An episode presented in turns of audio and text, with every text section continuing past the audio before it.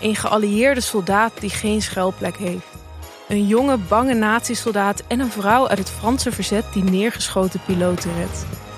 Exact 80 jaar geleden, op die day, begon de bevrijding van Europa in Normandië. In Radio Oranje volgen we deze drie hoofdpersonages en wat zij beleefden op die ene dag. Luister de D-Day special nu via podimo.nl slash Radio Oranje en probeer Podimo 30 dagen. Ben jij of ken jij een vrouw? Of zie je er wel eens eentje lopen van een afstandje? Luister dan naar Damn Honey. Een podcast over shit waar je als vrouw van deze tijd mee moet dealen. Mijn naam is Nidia. En ik ben Marilotte. En in Damn Honey praten we met gasten en gooien we onze ziel en zaligheid op tafel over onderwerpen zoals fast fashion, Dik zijn, de menstruatiecyclus, worsten, validisme, catcalling, vrouwen in de politiek, sport en kunst, het niet-moederschap, seksueel plezier, autisme, heteronormativiteit, porno abortus. en meer. Elke zaterdag in je podcastfeed.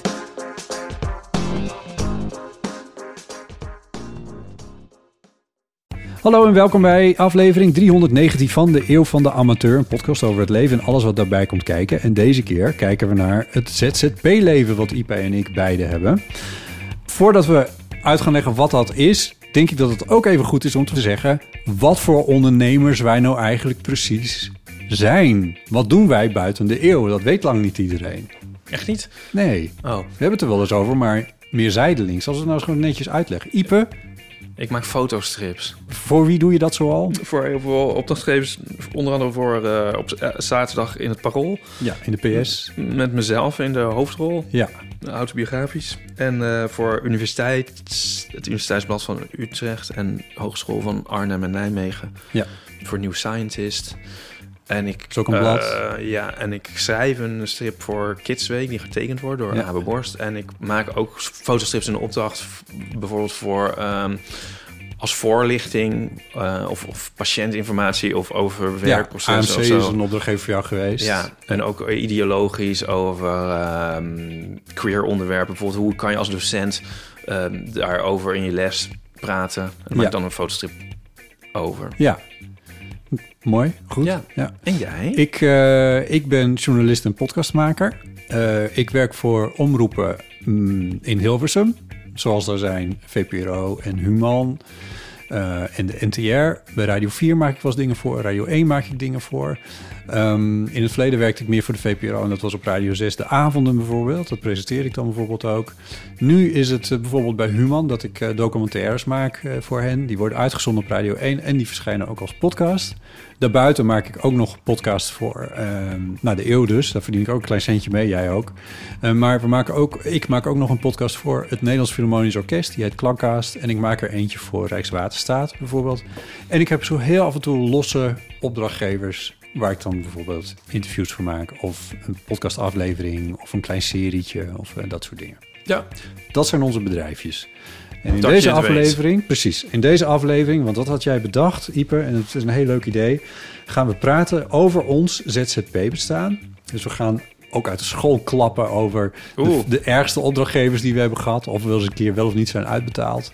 En, eh, en wat we de leukste dingen vinden aan ons ZZP-bestaan. Ja, de highs en lows, mensen. De highs en lows. En, en eh, En de juice. Misschien is het bijna wel, kan het wel eens een instructie worden voor een beslissing over of je ZZP'er zou kunnen worden in een creatief sector of niet. Wie weet, botten. Eeuw van de amateur.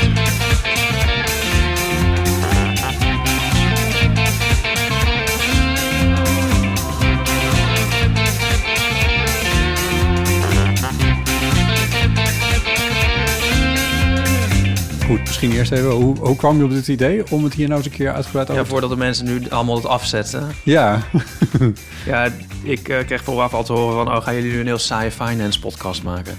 Hm. Het leek me gewoon leuk om eh, dit aspect van ons bestaan een keer te belichten. ja. En er zijn heel veel ZZP'ers In in, Nederland. Misschien ook onder onze luisteraars. Ik meen meteen, ik heb dit niet ge- opgezocht, maar ik meen dat het er meer dan een miljoen zijn, misschien Oh, wel ja. anderhalf miljoen, ja. Ja.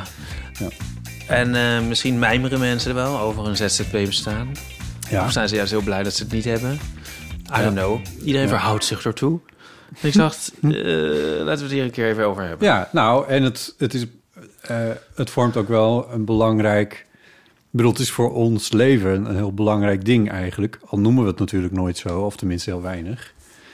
Maar voor hoe wij ons leven inrichten is het wel heel essentieel. Ja. Ja. Want het betekent dat wij 's ochtends in bed kunnen blijven liggen. Ja, dat denkt iedereen. ja, dat is natuurlijk niet echt het geval.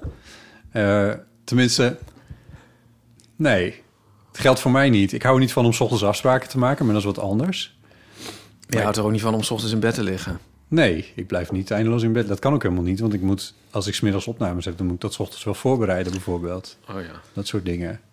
En voor jou, ik weet dat jij tegenwoordig weer wat vroeger opstaat dan anders. Ja. Ik weet wel, je hebt wel een keer in de eeuw ook gezegd dat jij het fijn vindt om 11 uur s'avonds nog een film op te zetten. Dus dat betekent dat je niet voor één uur in je nest ligt natuurlijk. Maar dat betekent niet dat je automatisch ook de hele ochtend in je, in je bed ligt. Nee. Toch? Nee. Nee. Nee. Nee. Moeten wij eh, in deze aflevering mythes over het ZZP-bestaan ontkrachten? Nou, Of dat weet ik niet. Misschien Ik weet, along the way dat dat gebeurt. dat gebeurt wel. Of misschien bevestigen we ze wel. Ja, ja, ja. Maar w- w- weet jij wanneer jij jezelf voor het eerst ZZP'er noemde? Nou, of ik mezelf zo noem... Ik, ik noem mezelf natuurlijk kunstenaar. Ja, ja, precies. Ja, maar voor de Belastingdienst? De Belastingdienst heet je ondernemer trouwens, heet je helemaal niet ZZP'er. Dat is heel raar. ZZP is niet een officiële belastingterm. Nee, is ook eigenlijk een vreselijke term eigenlijk. Maar ondernemer Ja. is ook een Je vreselijke definieert term. jezelf door iets wat je niet hebt, namelijk personeel. Ja, Zelfstandige zonder personeel. ja. Ja. Zo zou je ook een single kunnen noemen. Een soort ZZR'er of zo. een persoon zonder relatie. Ja. Ja, Ehm, nee, ja, ik heb een baan gehad, hè, ooit. ik heb één echte baan gehad. ja bij Aan de Universiteit Utrecht. Utrecht. Ja, als ehm, redacteur voor... Zoiets, ja. Programmamaker van Studium Generale. Dan moest Ja. ik lezingen organiseren. Ja, Daar dus kunnen we ook nog wel een keer een podcast aan wijden. Ja, dat is, ik bedoel, dat is bij eigenlijk alle universiteiten bestaat er zoiets, geloof ik wel zo ongeveer. Althans, Ja. ik weet van Groningen dat het ook Ja. een studium generaal heeft. Het, Nee, het is een lezingen. Ja, maar ik, ik heb het toen eh, wel eens... ehm, op, en vooral tijdens vergaderingen... We hadden eens in, het jaar een vergadering die een dag duurde... met alle studia generalia van het land. Oh ja, ja. En eh, ik heb wel eens bij een vergadering echt een soort paniekaanval gehad. Oh. Van, ehm, oh, dit heb je al verteld. ja, Ja, wat doe ik hier eigenlijk? Ja. Wat, wat, wat de fuck ben ik met mijn leven aan het doen? Ik moet iets anders doen. Dat was bij zo'n dag, dagvergadering met alle studium generaliumers uit het hele... ja. Zelfs dat was nog niet genoeg om mij ehm, daaruit te trekken. Had je toen al wel, deed je toen al wel dingen? Ja, ik maakte altijd strips. Dat wel. Ja, Maar naast je baan, zeg maar. Ja. ja, maar ik tekende toen eerst nog strips, denk ik. Nou, ik weet niet precies hoe dit loopt. Op een gegeven moment ging ik fotostrips maken voor het universiteitsblad, maar als, als bijbaan, zeg maar. Ja. Gewoon omdat ik het heel leuk vond. En ik, maar ik verdiende er dus ook mee. En, en op een gegeven moment had ik dus toen een soort paniekaanval van... ik moet echt, ik moet dit helemaal niet meer doen. Deze baan. ja. Ja, Botte, die baan. Ik zat dus... Nu heb ik het, helemaal niet over ZZP, maar over een baan. Ik zat dus op een... Ik had, ik had weinig collega's... die er dan ook vaak nog niet waren... of een soort met ziekteverzuim... of Ja. het lieten afweten. ja. En ik zat op een gang. En op een gegeven moment was iedereen verhuisd uit die gang. Er was een soort permanente verhuizing gaande. In het bestuursgebouw was het op de Ja. Universiteit Utrecht. Ja, ja, ja. Dan zat ik in mijn eentje op een gang. In een enorm gebouw. Maar echt letterlijk. Dat kan en heel lekker zijn, maar ook heel eenzaam. Ja, als een soort Sovjet-dissident of Ja, zo. Ik helemaal verbannen en zo. En, Oh, en dan vergaderingen van een dag.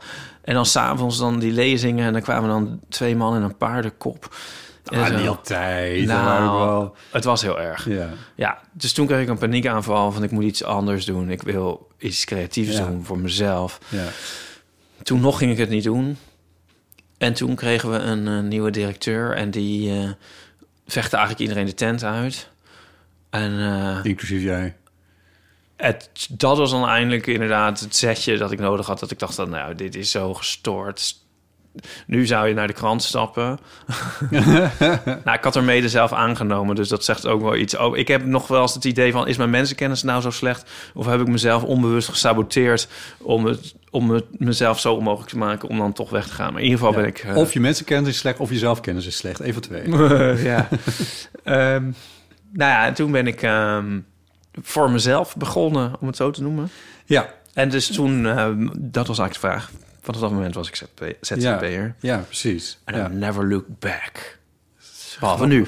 Dat er, dat er tussen jou en mij, er zit wel een zekere parallel in. Ik had, eh, toen ik na mijn, na mijn afstuderen ging ik ook voor een baan. En dat is toen ook gelukt. Dat duurde heel even. Maar toen had ik een baan bij Omroep Friesland. Daar heb ik heel veel geleerd. Als eh, verslaggever en redacteur was ik daar gewoon in dienst. Dat heb ik een jaar gedaan. En toen kreeg ik in Hilversum een baan bij Avro Radio 1. Dat heb ik... Hoe lang heb ik dat gedaan? Drie jaar, denk ik. Klopt dat? Ja, een kleine drie jaar, denk ik. Nee, drie jaar. Eh, ook heel veel geleerd. Daar was ik verslaggever. Eh, dus was ik ook heel veel buiten de deur. En in die drie jaar dat ik daar werkte, veranderde het programma. We begonnen bij 1 op de middag. Dit is echt 100 jaar geleden. Maar dat was een middagprogramma op Radio 1 Algemeen. Actualiteiten en achtergronden bij het nieuws. En toen, na wat omzwervingen, werd dat een medisch programma. Zou het moeten worden. Ging de AVRO een medisch programma op Radio 1 maken. Dat heeft echt maar een jaar bestaan of zo. Dat is, was gewoon een slecht idee. Dat probeerden wij, de bazen bij de AVRO, ook duidelijk te maken van... doe dit niet. Want dit is, dit is als toen waren we als redactie nogal sterk. Eh, tenminste, dat dachten we. Eh, van ja, dit is gewoon een slecht idee. Want er, komt niet, er is niet genoeg medisch nieuws, interessant medisch nieuws... om daar dagelijks een uur lang op Radio 1 mee te vullen. Nou, dan dachten zij van wel. Ja, je moet het breed zien. Zoiets werd dan gezegd. En ik zag het helemaal niet zitten. Want medisch nieuws interesseert me echt eigenlijk geen bal, om heel eerlijk te zijn. Ehm, en ehm, toen was daar eh, volgens mij... We zaten op een gegeven moment... waren wij live... Hadden we een live dag gehad in, ik denk in Nijmegen of zo. Toen waren we een uur lang live uit Nijmegen gekomen. En ik was als verslaggever daar een beetje rond rondrennen in dat universiteitsgebouw daar. Natuurlijk een grote medische faculteit.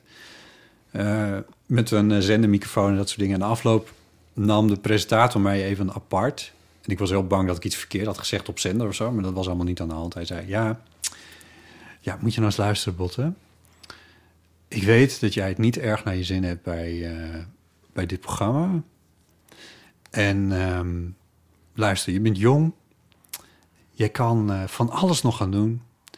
Waarom ga je niet gewoon lekker... Je moet gewoon lekker gaan freelancen. Ja. Ik had een vaste baan op dat moment. ja.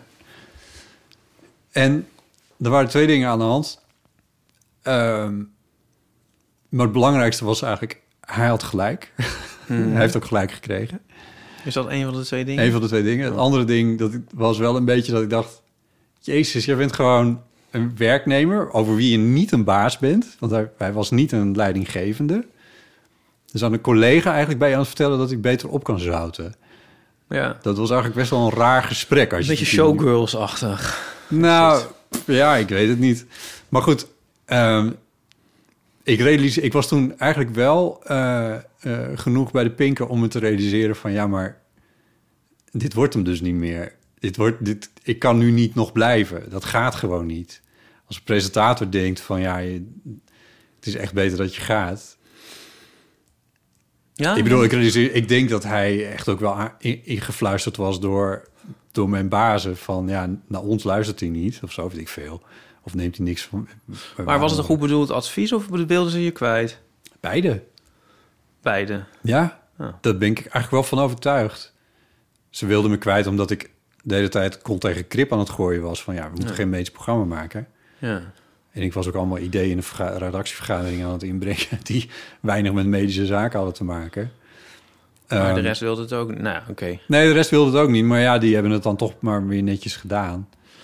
En, Ja. eh, maar het was ook wel een goed bedoeld advies. Want Maar in ieder geval, ja. hij had ook gewoon gelijk. ja. En hij had in die zin gelijk. Ik had op dat moment al bij de VPRO een documentaire gemaakt. Ik was in 2008 naar New York geweest, notabene. Om op die gitaar van Jeff Buckley te spelen. En, eh, nou ja, lang verhaal. Maar eh, dat had ik toen voor de VPRO al een keer gedaan. En dat was voor het programma De Avonden. En dat kende ik toen eigenlijk nog niet zo heel erg goed. Maar ik wist wel dat ik wel eens een keertje met die redactiechef daar kon gaan praten van... hey, ik vond dat heel leuk om te doen voor jullie. En jullie, maken, jullie hebben als onderwerp kunst en cultuur. Dat vind ik nogal wat interessanter dan eh, medische zaken. Ja. En dat heb ik toen gedaan. Dat Ja. was met Lotje IJzermans toen. Ja. En die vond dat hartstikke leuk. En die zei, nou, ik kan je niks beloven. Maar eh, we hebben wel plek voor een verslaggever op dit moment. Dus toen ben ik dat gaan doen. Maar en heb je toen al... Maar, maar heb je, ben je dat eerst gaan doen of heb je eerst opgezet? Zegt. Ik heb eerst mijn baan opgezegd. Oh ja, grappig. Ja. Ik moet zo denken aan... ehm, zo van, eh, een, een aap laat nooit een eh, tak los voor die zijn volgende vast heeft. Ja, Ik, ik, Volgens mij is dat niet waar. nee, dat weet ik ook niet, maar dat is het gezegde. Ik had wel eh, dus ook mijn dingen wel een beetje in de stijger staan... op het moment dat ik mijn baan opzij. Ja. Zeg Nee, maar dat je? had ik ook wel. Want ik had wel al Ja, je had wat dingen gedaan. Ja, ja. Freelance en zo. Ja. En ik had dus wel wat klusjes ook lopen. Tenminste, Ja, ik had ja. mijn fotostrip, die was begonnen. En Ja. ik had hem aan... Hij stond al in drie, drie kranten op het moment dat ik mijn baan op zeg, Ja. zegde of zei. Wat is Zij- het? Dat weet ik eigenlijk ook niet, maar je stopte. Ja. Mag ik nog heel kort trouwens opmerken dat bij mij het omgekeerde gebeurde? Want ik ben juist nog gevraagd om directeur te worden van dat bureau. Oh, echt? Ja, Dat had ook nog gekund. ja dan daar huiver ik echt bij van. Ik heb het overwogen. En één, één dronken avond in de kroeg had ik zelfs besloten van... oké, ik ga het doen. Toen de volgende ochtend dacht ik nee. Gelukkig. Wauw. Maar dat, dan denk ik echt zo van... oh my god, er is nog ergens een wereld waarin ik dat wel ben gaan doen. Ja, ja, een parallel universum. Wat erg zou dat zijn geweest. Ja, en in een van die parallele universa ben jij een, eh, een volgende versie van het bureau aan het schrijven op basis van je ervaringen. Ja, maar ja, da- ik was, zou daar ook echt totaal ongeschikt voor zijn geweest. Maar goed. Had je dan mensen aan moeten sturen? Ja, Nee, dat had je niet gekund. nee. nou ja, dat had ik misschien nog wel gekund. Maar ik, als ik dan een lezing had georganiseerd... en dan kwam altijd de spreker... en die dacht dan altijd dat ik student was en zo. Ik had gewoon helemaal ja. niet een enige gezag of uitstraling. Ja, ja, precies. Leek vijf. Ja, Anyway, dat doet er ook niet toe. dat is gelukkig niet gebeurd. Maar nee. ehm, ja, dus wel, wanneer was dit? Was dit ding 2008 van jou? Ja, zo in 2009 ben ik, eh, ben ik echt gestopt met die baan bij, de, bij Radio 1. Ik zat overigens binnen drie maanden achter de microfoon als presentator bij de VPRO van de avonden. Dus dat, is, dat ging heel goed. Maar ehm, ik mocht voor de AVRO de eerste drie maanden niet werken als freelancer. Omdat, eh, ja, dan kom je uit een baan en dat was dan niet de bedoeling, zeg maar. En toen na die drie maanden, dat is nog wel een leuke anekdote. Ah, Na die drie maanden, die termijn die liep af. En toen eh, belden ze me meteen van... hey, we hebben iets leuks. Eh, toevallig nog bij jou in de buurt waar je woont. En eh, misschien kun je daar een verhaal over maken. En, het was in de Indische buurt, daar woon ik toen. En ehm, ik weet niet precies meer wat het was... maar het was, was een of ander project daar. En, dus ik daar naartoe met mijn... als eerste klus voor, als freelancer voor een Radio 1-programma... sta ik daar... kom ik daar een Radio 1-journaal verslaggever eh, tegen van de NOS... Jeroen de Jager. Eh, ik, ik, ik kom hem nog regelmatig tegen bij de, ik kwam hem nog regelmatig tegen de- bij de NOS in de afgelopen periode. Ehm, en eh, ik heb, en dat, ja, als, als de NOS het heeft, dan heeft het geen zin meer om als achtergrondprogramma dat ook nog te gaan doen. Want ja, die gaan een soort van voor of zo. Dus dat was slecht afgestemd. Ik weet niet precies hoe of wat, maar dat was bij elkaar langs gaan, want in principe is het overleg. Wat, wat op neerkomt is dat ik eigenlijk onverrichte zaken naar huis kon en die klus dus niet kon Oh. doen, omdat, ja, omdat de NOS het al had. Ja, maar je hebt hem niet voor een tram geduwd. Jeroen, nee. Oh, Nee. Ja, nee, nee, nee. nee. Maar dat, toen dacht ik wel even, oeh, dit kon wel eens lastiger worden dan ik dacht. Ja, want dat, dat, dat vroeg ik me ook af. Zo van, is het jou... Hoe, hoe ging het in de... Heb jij wel... Is het altijd blijven lopen? Is het eigenlijk steeds goed gegaan? Of is het een on- onzeker, rotsachtig pad gebleven? Ja, dat laatste. omdat, eh, omdat het... Kijk, dit was nog voor... In, in 2011, zeg ik even uit mijn hoofd... Toen waren die grote cultuurbezuinigingen werden toen aangekondigd. Oh ja. Maar er hoorde ook een bezuiniging bij de omroepen bij. Ehm, volgens mij ging dat toen... Is daar een van de dingen die eruit is gekomen... is zijn die fusieomroepen. Ehm, maar dat waren allemaal dingen dat er programma's werden opgeheven... en dat er bezuinigd moest worden. Vooral bij de VPRO, want dat, die ging niet fuseren. Dus die kreeg sowieso minder geld. Dus het is elke keer was het gezegd. Het, is nooit echt stabiel geweest. Weet je wel, wel een paar maanden dat het gewoon lekker liep. Maar, jij, Maar bent- dan- jij hebt nog, heb jij nog steeds slapeloze nachten? Ik sta nu verder van Hilversum af. Ik was toen de tijd veel meer. Ik werkte toen, ik deed toen eh, reportages voor, voor eh, dat Radio 1-programma van de Avro. Ik werkte voor eh, het Radio 1-programma van de Vara. En ik werkte voor VPRO Radio 6, was dat dan, maar dat was de avonden. En die drie dingen, dat, dat moest ik een beetje balanceren. En tussendoor maakte ik dan eh radiodocs voor de VPRO ook nog. Dus ik deed eigenlijk best wel veel. Maar al die dingen lagen voor... Kijk, als er bezuinigd werd op, op Hilversum, op de omroepen... dan is dat meteen op al je opdrachtgevers. En als freelancer ben je gewoon als eerste... word je minder gebeld. En dat was gewoon de hele tijd aan de hand. Gelukkig was er dan weer iemand die een rubriekje verzon... of die een collega die doorstroomde. Ik weet dat... Nee, maar dat is mijn vraag zo van... is dat dan een heel erg een struggle... of loopt het dan toch wel weer vanzelf allemaal weer een beetje? Ja, achteraf loopt het dan wel. Maar ik heb wel regelmatig slaaploze nachten gehad. Ja, over van... Nou, hoe dit nou weer moet. Dat En er is- dan weer een ja. opdracht werd afgezegd. Of eh, ja, we gaan toch stoppen met... eh, Maar is dat dan op een gegeven moment klaar of zo... en heb je er wel vertrouwen in, want het komt wel weer... of, of heb je dat nog steeds nu wel eens? Ik heb nog steeds wel us. Maar zoals ik zei, ik ben nu wat minder afhankelijk van Hilversum. Dus ik heb mijn risico's wat meer gespreid. Door, Ja. eh, met name door de podcasting natuurlijk. En bijvoorbeeld, ja, de eeuw is natuurlijk ook een bron van Een inkomen melkkoe. Ja. Vriend van de show. Kip, kip, Eh, met de gouden eieren. Nou ja, zo is het dan ook weer niet als je het per uur gaat uitrekenen. Maar het is wel zo dat het in ieder geval... Ik heb dat wel eens grappend gezegd. Van vriend van de show is, is mijn enige stabiele inkomen. Maar als je het op de keper beschouwt, is dat ook wel echt daadwerkelijk zo. Ja, dus dat is wel, dat is wel een beetje vreemd. Maar ik heb onderhand... Hij legt natuurlijk- helemaal niet een druk op jullie hoor, luisteraars. Ja, dat is, natuurlijk, dat is natuurlijk ook niet de bedoeling met die opmerking. Maar het is wel zo dat... Voor de rest is het allemaal... Ja, het zijn projecten over het algemeen. Het zijn ook wel heel langlopende projecten. Maar wordt het niet ook een beetje zoiets van... Ik, ik ga de vraag namelijk nu dan gewoon zelf beantwoorden. Ja. Het is ook een beetje... Ik ervaar het een beetje zo van... Kijk, in het leven kan het ook zomaar opeens afgelopen zijn en zo. Je kan ook onder de bus komen of, Ja. eh, of een, een bloedvat kan springen. Zo, zo ben ik het ongeveer meer gaan zien. Want ik vond het wel heel lang heel spannend. En zo dacht ik van... Oh, mijn hele, alles hangt eigenlijk af van dit ene ding. Ja, En nu denk ik een beetje van... Nou ja, we zien wel. ja. Ik ben die onrust eigenlijk, die is dus... Ik ben eigenlijk al... eh, Ja, dit is heel interessant. ik ben 17 jaar, denk ik, nu de- fulltime dan dus helemaal gestopt. Ja. of 20, dat weet ik nooit. Maar die on- de onrust van het begin, die eh, is er wel een beetje af bij mij. Ja. Oh ja. Of klinkt dat heel... eh, of, of klinkt dat niet goed? Wel, het klinkt wel goed. goed, hè, eigenlijk. Nou, ik weet niet. Ik Ik kan niet je hele ik- leven nerveus Nee, maar ik associeer... Hoe zou ik het zeggen? Ik, ik, ik zie dat soort... Die, die vorm van vertrouwen in jezelf bij jou wel terug. Terwijl het op andere vlakken soms wat minder is. Maar dit zie ik bij jou wel. Ja, maar ik heb niet het gevoel dat jij echt heel veel zorg... Ik, heb- ik heb je wel eens horen piepen over van... Oh, dit is de laatste keer dat ik iets voor deze opdrachtgever moet doen. Want ik heb maandag een afs- afspraak met ze. En dan, kom je, dan heb je die maandag die afspraak, kom je terug. Blijkt dat ze je meer geld willen geven of zo. Maar bedoel, daar zit je nog wel eens over in. Maar over, over het geheel geloof ik niet zozeer dat je Nee. failliet gaat of zo. Ik heb ook wel, er is zo'n vreselijk cliché, die zin die kan ik niet horen. En dat moet je ook niet zeggen, vind ik, tegen mensen. Zo van, als er één deur sluit, gaat de ander open. weer open, ja.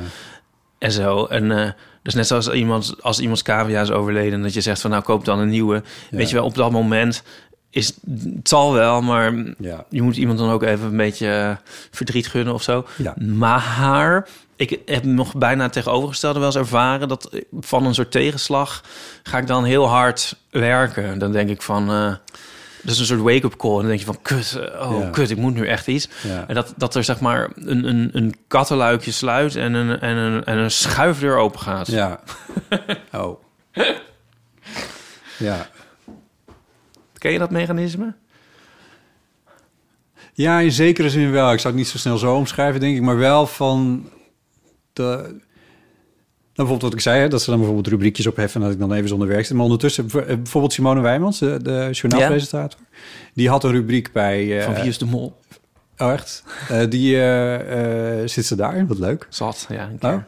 Ehm, die had een, eh, een rubriek bij eh, Felix Murders in dat, eh, de, de, de nieuwsbuffet of de, of de gids.fm heette dat toen nog volgens mij.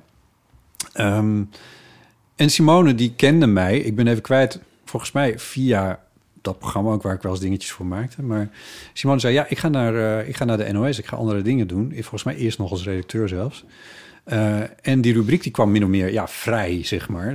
En ze, had dan, ze heeft mij er zelf over gebeld toen de tijd. Toen zei ze van, is dat niet iets voor jou? Zou jij niet eh, dat kunnen... Oh, ja. Ja, dat heeft me heel veel leuke dingen opgeleverd. Dat was live op Radio 1 en dat was, ging over, mocht ik over kunst en cultuur praten. Ik mocht elke week zelf het onderwerp bedenken. Dus dat, daar ging ook meteen weer een luikje open. En dat is eigenlijk wel steeds een beetje aan de hand geweest. Soms zat er wel wat tijd tussen dat die deur dicht ging en dat het volgende Ja, ja. deurtje open ging. En dat was wel eens wat crisis. Dan Maar loop je op een heel lange gang ja, zonder ramen. ja, ja, ja, Met een soort statische Ja, vloerbedekking. Ja, en daar kan ik echt wel, daar kan ik echt wel, ik, ja, ik wil het woord depressief niet gebruiken, maar daar kan ik echt wel te neergeslagen van worden, van zulke periodes. Van, ja, ik weet niet, trek me dat vrij persoonlijk aan dan ook wel. Het is niet zo gezond hoor. Dus ik weet niet hoe goed je ZZP'er ik eigenlijk ben, maar dat heb je nou eenmaal als creatieve maker. Associeer je jezelf ook heel sterk met je werk. Dus ja, Ja, want ben jij eigenlijk zakelijk? ja misschien is het goed om even te zeggen dat, wij, dat jij een lijstje met vragen hebt Ja. gemaakt, waar het onder Nou, zit andere daar dit soort lekker uit. Ja, nee, dat is heel goed. Hoef ik niet letterlijk op te Nee. lezen, maar ik wil het wel even benoemd hebben dat dat Ja. zo is. Want dus de trappen luisteraars eh, die prikken daar doorheen. Ehm, want dit is een vraag die daarop stond. Ehm, ik vind mezelf deels zakelijk. Ik vind mezelf zakelijk als het gaat over het nakomen van afspraken. Daar ben ik wel heel goed en zakelijk in. En dat, dat regel ik dan gewoon. Hoe, het, hoe, het ook, eh, hoe ik het dan ook maar doe. Maar ik vind mezelf dan weer wat minder zakelijk als het neerkomt op... op ehm, eh, ja, moet je dit niet zeggen? In Nee, publiek? nee, wel. Nee, zeker. Acquisitie, nee, we, we moeten netwerken. eerlijk antwoorden. Die, die, van die Ik vergaderingen. probeerde het te timen met dat jij zou zeggen financieel... en ik ondertussen dit zou zeggen. Oh, zo, financieel. Ja. Ja. financieel ben ik ook niet zo zakelijk, nee. Ik dacht dat dat zou komen. Ja, nee. Ja, daar ben ik eigenlijk helemaal niet zo goed in. Nee? Nee. De keren dat ik mezelf voor de kop heb geslagen van... oh, deze... deze het gebeurt ei- eigenlijk structureel dat als ik ergens een prijs zeg voor mezelf... dus als iemand een offerte vraagt... wat ik godzijdank nog niet zo vaak hoef te doen... maar die dan echt zonder toet of blazen wordt geaccepteerd. Of dat mensen e- net iets te snel zeggen... oh ja, dat is goed. Oh ja. dan denk ik toch van ja, fuck. Eh, ja. Ik bedoel, ik ben, ik ben niet zo... En dat, daarom ben ik dus ook niet zo zakelijk op dit vlak. Ik ben daar niet zo op... op ik ben daar gewoon niet. Eigenlijk moet ik een agent hebben. Dat zou eigenlijk het beste zijn. Die zou zichzelf ook helemaal te kunnen betalen volgens mij. Dat zou echt beter zijn. Die zou echt veel betere prijzen kunnen bedingen. Van, heb jij dat dan wel? Ah, nu je dit zegt. Ik heb het jou ook wel eens horen zeggen. Dit, Ja. van oh, dat was meteen geaccepteerd. Heb ik niet slim gedaan. Ja. Ik probeer wel altijd heel erg...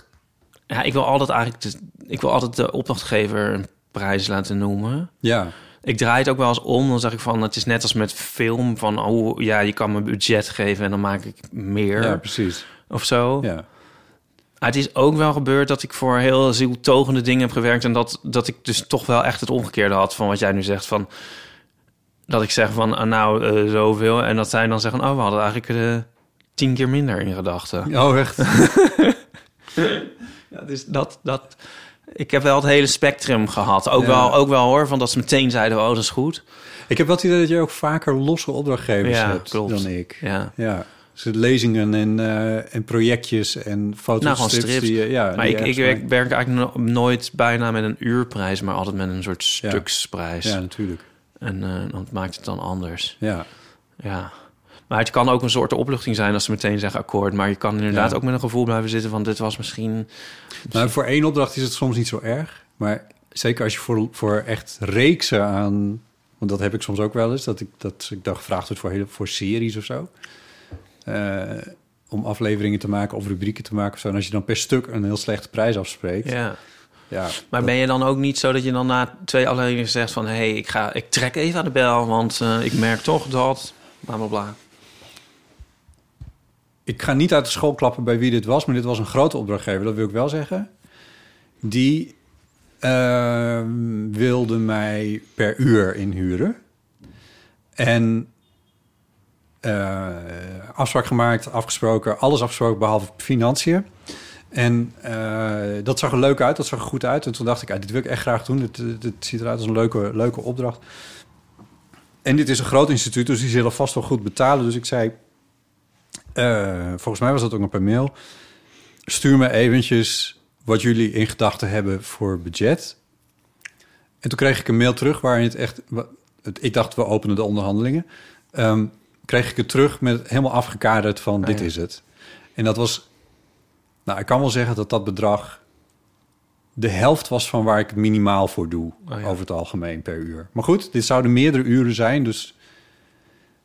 En hoe het geformuleerd was, was ook een beetje onduidelijk. En toen, dus ik, ik terug van, zijn we nou aan het... On ik dacht, ik gooi het maar gewoon... Ik zeg maar wat ik denk. Zijn we nou aan het onderhandelen? Of is dit, Ja. of is dit wat jullie betalen aan, aan ZZP'ers?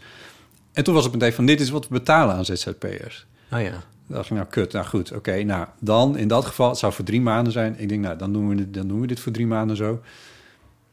Kreeg ik na drie maanden twee berichten. Eén, we willen wel even met je door, we willen nog wat langer. Toen dacht ik, kut, ja, nu zit ik dus vast aan, de, aan dat klote bedrag.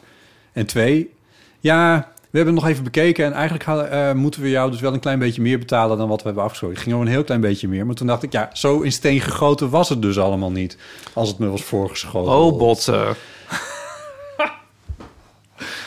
oh. Ik verwijt dit mezelf ook wel een beetje. Ik denk van, ik had daar gewoon veel harder in moeten, staan, moeten zeggen van... ja, moest luisteren. Ik ben al zoveel jaar, Ja, doe ik dit een werk? antwoord op mijn vraag, ja. Ja, nee, dus, dus dat, Is dit lang geleden? Dit is, dat ga ik niet Zeg beantwoorden. dat het lang geleden Het is. is lang geleden. Ja, Oh. ja, Oh ja. ja dit was een rare... Oh. Ja, maar het was wel leerzaam. En, eh, Ja, ik, ik, ja. hier, nee, nee, dus nee, dit gebied ben ik dus helemaal niet... Ja, Grappig. het is niet een aanmoediging voor, voor potentiële luisterende opdrachtgevers... om mij een poot uit te draaien. Dank je wel. Nou, goed. Ja, nou je moet zeggen, want dit, dus, dus dit gebeurt me nooit meer. Maar het is wel vreemd om, om voor de helft van, van wat je in je hoofd hebt... drie maanden te gaan werken, vind ik. Ja, Ja. Oh ja, dat vind je ook, ja. Ja, ja. nou, het- een, een van de dingen die jij ook opschreef was eh, passie, prestige, poen. De drie P's die altijd Ja. rondgaan bij, eh, zeker bij creatieve eh ZZP'ers. Als eh, afwegingen over of je een klus doet of niet. Ja. Dus of het, eh, of het leuk is om te doen, Ja. of het je aanzien oplevert, eh, of dat het je heel veel geld oplevert. In dit geval was de P van prestige een hele belangrijke. Ehm, en de P van pret, of wat zei je nou? Passie? Passie was ook wel een belangrijke. Ja, Poen was dus eventjes helemaal ondergeschikt. Ja. En omdat het voor drie maanden zou zijn, dacht ik, ja, dit is wel heel rot. Maar ik doe het maar. Ja, dat is uiteindelijk is dat veel langer geworden toen. Oh ja. En dan had ik mezelf wel redelijk in mijn, eh, in mijn voet geschoten, ja. Ja. Dus dan moet je toch, je moet, ik moet daar toch alerter op zijn. Ja, dit overkomt inderdaad niet nog een keer. Nou, het is grappig van dat je dit hele aspect, zo dat, ik, dat krijg je er een soort ongevraagd bij natuurlijk als je ZZP'er, ZZP'er wordt. Want Ja. je denkt van, ook ga leuk werken. Ja, creatief dingen doen. Maar je hebt hier eh, over het algemeen niet een... eh, ja, je kan misschien een cursus doen of zo bij de KVK, weet ik wel. Of zo. ik weet niet of het zit heel erg in je, maar Ja. eigenlijk is het iets dat... Het is eigenlijk net als met... eh, heb ik dan ook met, met bijvoorbeeld... Het is eigenlijk net als met flirten of zo. Van waar leer je dat eigenlijk? Van wie leer je dat Ja. of zo? Ja, Dat oh, dit is hele- ja, wauw, dit is een hele ik goeie. toevallig heel goed in. Ja. Maar ik, ik weet niet hoe eigenlijk. Nee. Ik weet niet waarom. Ik weet niet... Ja, je kan het in een film hebben gezien niet? of zo. Of in, in, een in, een, in een tv-serie. Maar... nee, dat- nee, Nee, maar ja, waarom? niet- nee, maar nee. hoe weet je dat eigenlijk? En dit, dit, dat onderhandelen van dit soort dingen, dat is ook iets. Nou, je wordt ook door schade en schande wijs natuurlijk, maar ja, het is gek eigenlijk. Nee, het is heel ingewikkeld. Ik- Opeens ik is dat nou- een ding in ons leven waar we Ja. iets mee moeten. Ik zat wel te denken dat... Wat zijn de overeenkomsten tussen flirten en salaris... of eh, eh, eh, contractonderhandelingen voor ZZP'er? Dus misschien zit er best wel een parallel in. Maar eh, ik ben aangesloten bij de Nederlandse Vereniging voor Journalisten. Ja. De NVA. Journalistiek, journalistiek, ik weet eigenlijk nooit. Maar eh, die bieden daar inderdaad een cursus voor aan. Oh ja. Ja, eh, en een van, de, een van de redenen, waren meerdere redenen, dit was niet de belangrijkste, maar een van de redenen om aan te sluiten bij NVA is omdat zij echt een salaris, hoe heet het, een uurtarieven calculator hebben voor ja. ZZP'ers, waar een beetje kan zien, zij weten wel ongeveer wat, zij zijn wel redelijk op, eh, hè, meestal zijn dit soort vakbondachtige type, eh, typische organisaties, zijn natuurlijk op, op, eh, op CEO's eh, gericht, is NVA ook, maar ze hebben ook een heel belangrijk deel, omdat veel journalisten freelance zijn, hebben ze ook een heel belangrijke afdeling eh, freelancers. En dat is toch, heel- ik vind zelf dat ze dat heel goed doen, want zo'n zo'n tarievencalculator geeft wel in ieder geval een klein beetje inzicht Ja. in wat je collega's ongeveer eh, verdienen. Ja. Ja, Ja. Ik vind het grappig dat ik wel eens... eh, ik, heb, ik heb belangst eigenlijk. Of ja, wie niet? Hè? Wie niet onder de 30? En wie heeft geen belangst? Maar soms dan... ehm, ik, ik kan dus eigenlijk... Ik ben ook bijna split personality als het op zakelijke dingen aankomt. Hmm. En eh, soms krijg ik een mailtje of zo met een aanvraag. En eh, dan gaat dus mijn zakelijke kant ontwaakt of zo. Mijn, dat deel van mijn brein gaat dan aan. Mhm. Dan ga ik dus bellen. Ja, echt? Ja, dat is wel erg. En dan denk ik altijd van, eh, oh ja. En dan kan ik praten, joh. Ja, het is echt heel raar. En dan Doe hoor ik zelf ook praten. Ja, ik kan dat dus nu niet. Maar het is gewoon... Ja, het is gewoon een eh, at gunpoint of zo. Ik weet niet. Zou bijna in ik- een rollenspel schieten hier om, eh, Ja, om het uit te nou ja. lokken. maar- Ik probeer ook al eigenlijk Gunpoint. Vroeger probeerde ik ook, nou dat is eigenlijk niet goed gezegd, want ik organiseer het zelf. Maar ik Ja. denk dan altijd van, ook ga uit, uit de mail en ik ga aan praten, want dan kan ik veel meer erover vertellen en iemand aanvoelen en charmeren. en weet ik veel wat. Ja, allemaal heel erg eigenlijk. Nee, dit nou, is- er, nou, ja, maar goed. Maar dan komen we, dus dan gaat het ook vaak eh, over een prijs op een gegeven moment. Mhm. Maar dan zeggen mensen zelf al, vaak, daar mag je ook even over nadenken, mag je ook even op papier zetten, mag je ook nog even mailen. Ja. Want dat gedeelte, dat wordt dan. Dat doe je dan dus dan nooit over de telefoon. Dat vind ik heel grappig. Ja. En daar ben ik dan heel erg blij om. Want dat kan ik dan inderdaad Nee. niet uit mijn Nee. strot krijgen. Nee. Maar, maar binnenhalen kan je wel. Ja, Eens even charmeren. Dus even flirten met ze eigenlijk. ja nou, dat, daarom lijkt het daar misschien op. Ja. Ja. Maar dat kan ik dan opeens. Ja. Suf, hè, eigenlijk. Ik weet niet, tenminste, of suf. Ik snap niet waar dat vandaan komt. Nou, Maar als ik, Ik het bellen, zo van, als, weet ik veel, als ik een eh, verkeerd, eh, als ik, eh, als ik een, een, een, hm, wat is een voorbeeld? Als ik een paar schoenen heb ge- ge- gekocht en het is de verkeerde maat, dan durf ik niet naar de winkel op te bellen van, ik heb de verkeerde maat hier. Dan durf ik niet te bellen, zeg ah, maar. ja. Maar het is echt een ding dat, dat, dat aangaat voor... Zou het kunnen zijn, want ik, eh, deels herken ik het wel, maar dat als je een aanvraag binnenkrijgt, dat je denkt, ik wil dat heel graag doen, of het, nou- welke van de P's dat dan ook is. Maar als je denkt, ik wil het heel graag doen, dat er dan ook een, een bepaalde, ja, eh, eh, nou, bij gebrek aan een beter woord, passie in je ontvlamt van, hé, hey, maar dit moet ik even binnenhalen. Ja. Als ik nu bel, Ja, dan heb ja, ik het. Ja. Of ik een restaurant reserveren of zo. Dat durf ik eigenlijk niet. Ik durf, bijna, ik durf Nee. niet te bellen. Nee. Ja, maar daar is, je daar is de, daar is de, daar is de, daar is de passie dan misschien. Ja, dat is, waarom kan ik, waarom kan ik dat niet? omdat dat misschien toch al te transactioneel is of zo. Eh, En een opdrachtgever binnenhalen is meer flirten. Net zodra dat flirten om moet gaan in de transactie, dus als het gaat over geld bijvoorbeeld, Ja, dan, dan ga je toch weer naar ja misschien. het geschreven woord. Ja. Ja, ik weet het ook niet, maar zoiets. Ja. ja. Ik kan nog wel iets zeggen over die 3P-regel. Ja, Passie, prestige, poen. Is dat, zijn dat zo? Of pret, ja prestige, ze hebben poen? verschillende, maar, maar Ja. het zijn in ieder geval drie P's altijd. Ja. Ehm, ja, volgens mij is dan de stelregel zogenaamd dat je dan er twee moet hebben. Dat je het nooit op één mag doen. Hmm. Ja, wie bepaalt dit? Ja. Maar je moet, je moet zeg maar twee van de drie zogenaamd hebben. Dus Ik denk naarmate je zakelijker bent, dat je dan zegt dat je ze allemaal moet hebben. Dit- dit- Ja, dat weet ik. Ja, maar ja, ik bedoel, poen, wat is vreselijk eigenlijk. Maar Ja. goed, poen, wie zegt dat ook? Maar die zou je, kan je er in principe altijd uitlaten. Je kan ook iets gewoon voor de lol doen. In je Ja, leven. dan- Ja, dan doe je het misschien niet meer als ondernemer of zo. Of als kunstenaar. Maar goed, nou, of Ja. als kunstenaar dus wel. Ja? Ja. Ja. In ieder geval, eh, wat ik grappig vind, is dat ehm, er is ook zo'n wijsheid die zegt van als je een aanvraag krijgt en je hebt er geen zin in, dan moet je gewoon zoveel geld vragen dat je het er wel voor moet, wil doen. Deze heb ik volgens mij ook wel eens tegen jou geroepen. Ja, Want dit, dit, deze... ja Dit- maar daar heb ik me in het verleden mee in de voet geschoten. Echt? Ja, want dan, krijg je, dan ga je iets, dan maak je een opdracht die misschien eigenlijk heel klein was, juist heel groot. Want als ik zeg maar dan zeg van nou dan wil ik er een ton voor, Ja. dan zeggen zij oh nou oké. Een ton is even een fictioneel bedrag, luisteraars. Ja, deel er gerust En dan daarna denk ik van, oh kut. Nu moet ik ook iets ik moet wel iets neerzetten nu voor een ton. En dan heb je zelf een enorme kuil gegraven. Ja. Ja, dat is waar. Dat is echt een gevaar. Ja, dat is wel waar. Je moet het wel dan ook... Je moet die lichtvoetigheid daarna kunnen behouden over zo'n opdracht. De lichtvoetigheid van ik ga, een, ik ga het eh, fuck you bedrag vragen. Ja, oh ja, het fuck you bedrag. Ja, Wat ja. een term. ja het is een vreselijke term. Het is vreselijk. Ja, maar, Maar ik, dat, dat zit echt niet in me. Nee. Nee, oké, ja. Ik heb het wel een paar keer gedaan in mijn leven, maar dat, dat is nu wat minder aan de hand in deze periode. Toen ik, toen ik die eh, podcast voor ehm, eh, Alexander en Ernst Jan opnam, de podcast over media, Ja. toen noemden ze mij juicy. regelmatig. Ja. Nou, het is niet zo juicy hoor, maar toen noemden ze mij regelmatig als, als technicus. Ja. En voor mij was dat meer een soort van side gig. Zo van ja, dit doe ik. Ik verdiende daar ook niet zo gek veel geld in het begin. En, en eh, ik vond het gewoon heel leuk, omdat zij waren ook een van de eerste podcasts. Dus ja, ik vond het gewoon grappig om te zien hoe twee, dare I say, bekende Nederlanders. eh, ja, eh, hoe, die, hoe die dit gaan doen. Bekend, bekend, bekend. Nou, ja, Alexander is wel echt een bekende Nederlander. Ernst Jan moet een beetje meer in de uitgeverswereld ingevoerd zijn, denk ik. Alexander, het zijn beide hartstikke leuke jongens. Nou, doet er ook verder niet toe. Dit gaat voor het verhaal maakt het niet uit. Maar in ieder geval, zij noemde mij... Wat? Enorm. Zij noemde mij eh, technicus. En, daar, en, en dat...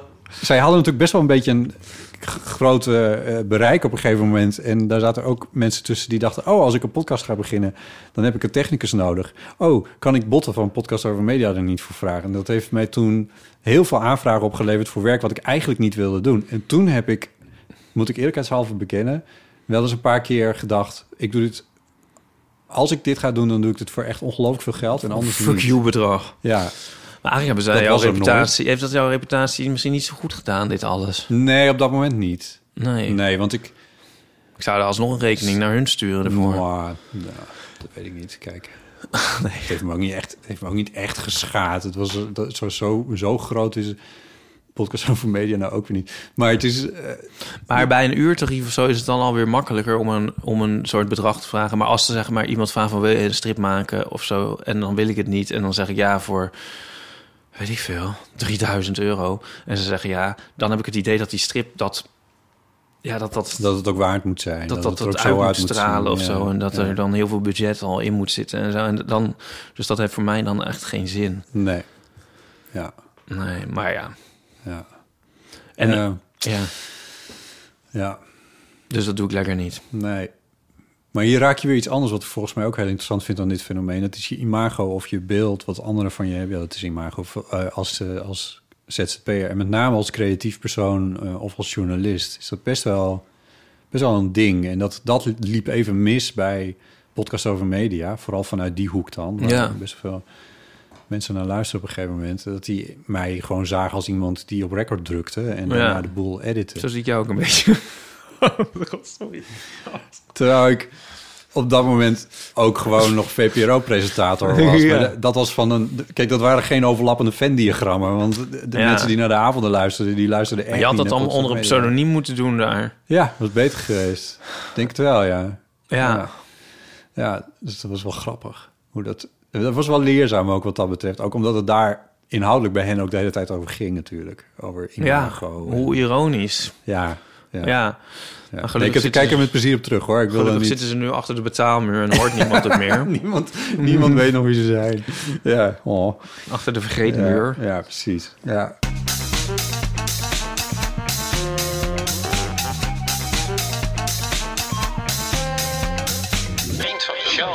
We hebben ook nieuwe vrienden van de show. Je kan vriend van de show worden via vriendvandeshow.nl slash eeuw. En deze keer zijn nieuwe vriendschappen en hernieuwde vriendschappen van Saskia, Eva, Sonja, Gabriella, Anouk, Misha, Ulrike, Diede Nelly, en Joep. Veel dank ervoor. 2,50 euro per maand. Je krijgt afleveringen een halve dag eerder. En exclusieve toegang tot inclusieve vriendenafleveringen. Je weet niet wat voor wereld daar nog voor je verborgen ligt als je geen vriend bent. Goed, vriendvandeshow.nl slash eeuw. Dankjewel. Dus deze vraag die heb jij gewoon netjes bedacht. Maar eh, heb je wel eens nee gezegd tegen, op, tegen zo'n opdracht dan? Als je misschien op basis van de pace denkt van nee of... Heb ik wel eens nee gezegd? Nou, Ja. ik... eh, tuurlijk. Ja. Nee, ja, tuurlijk.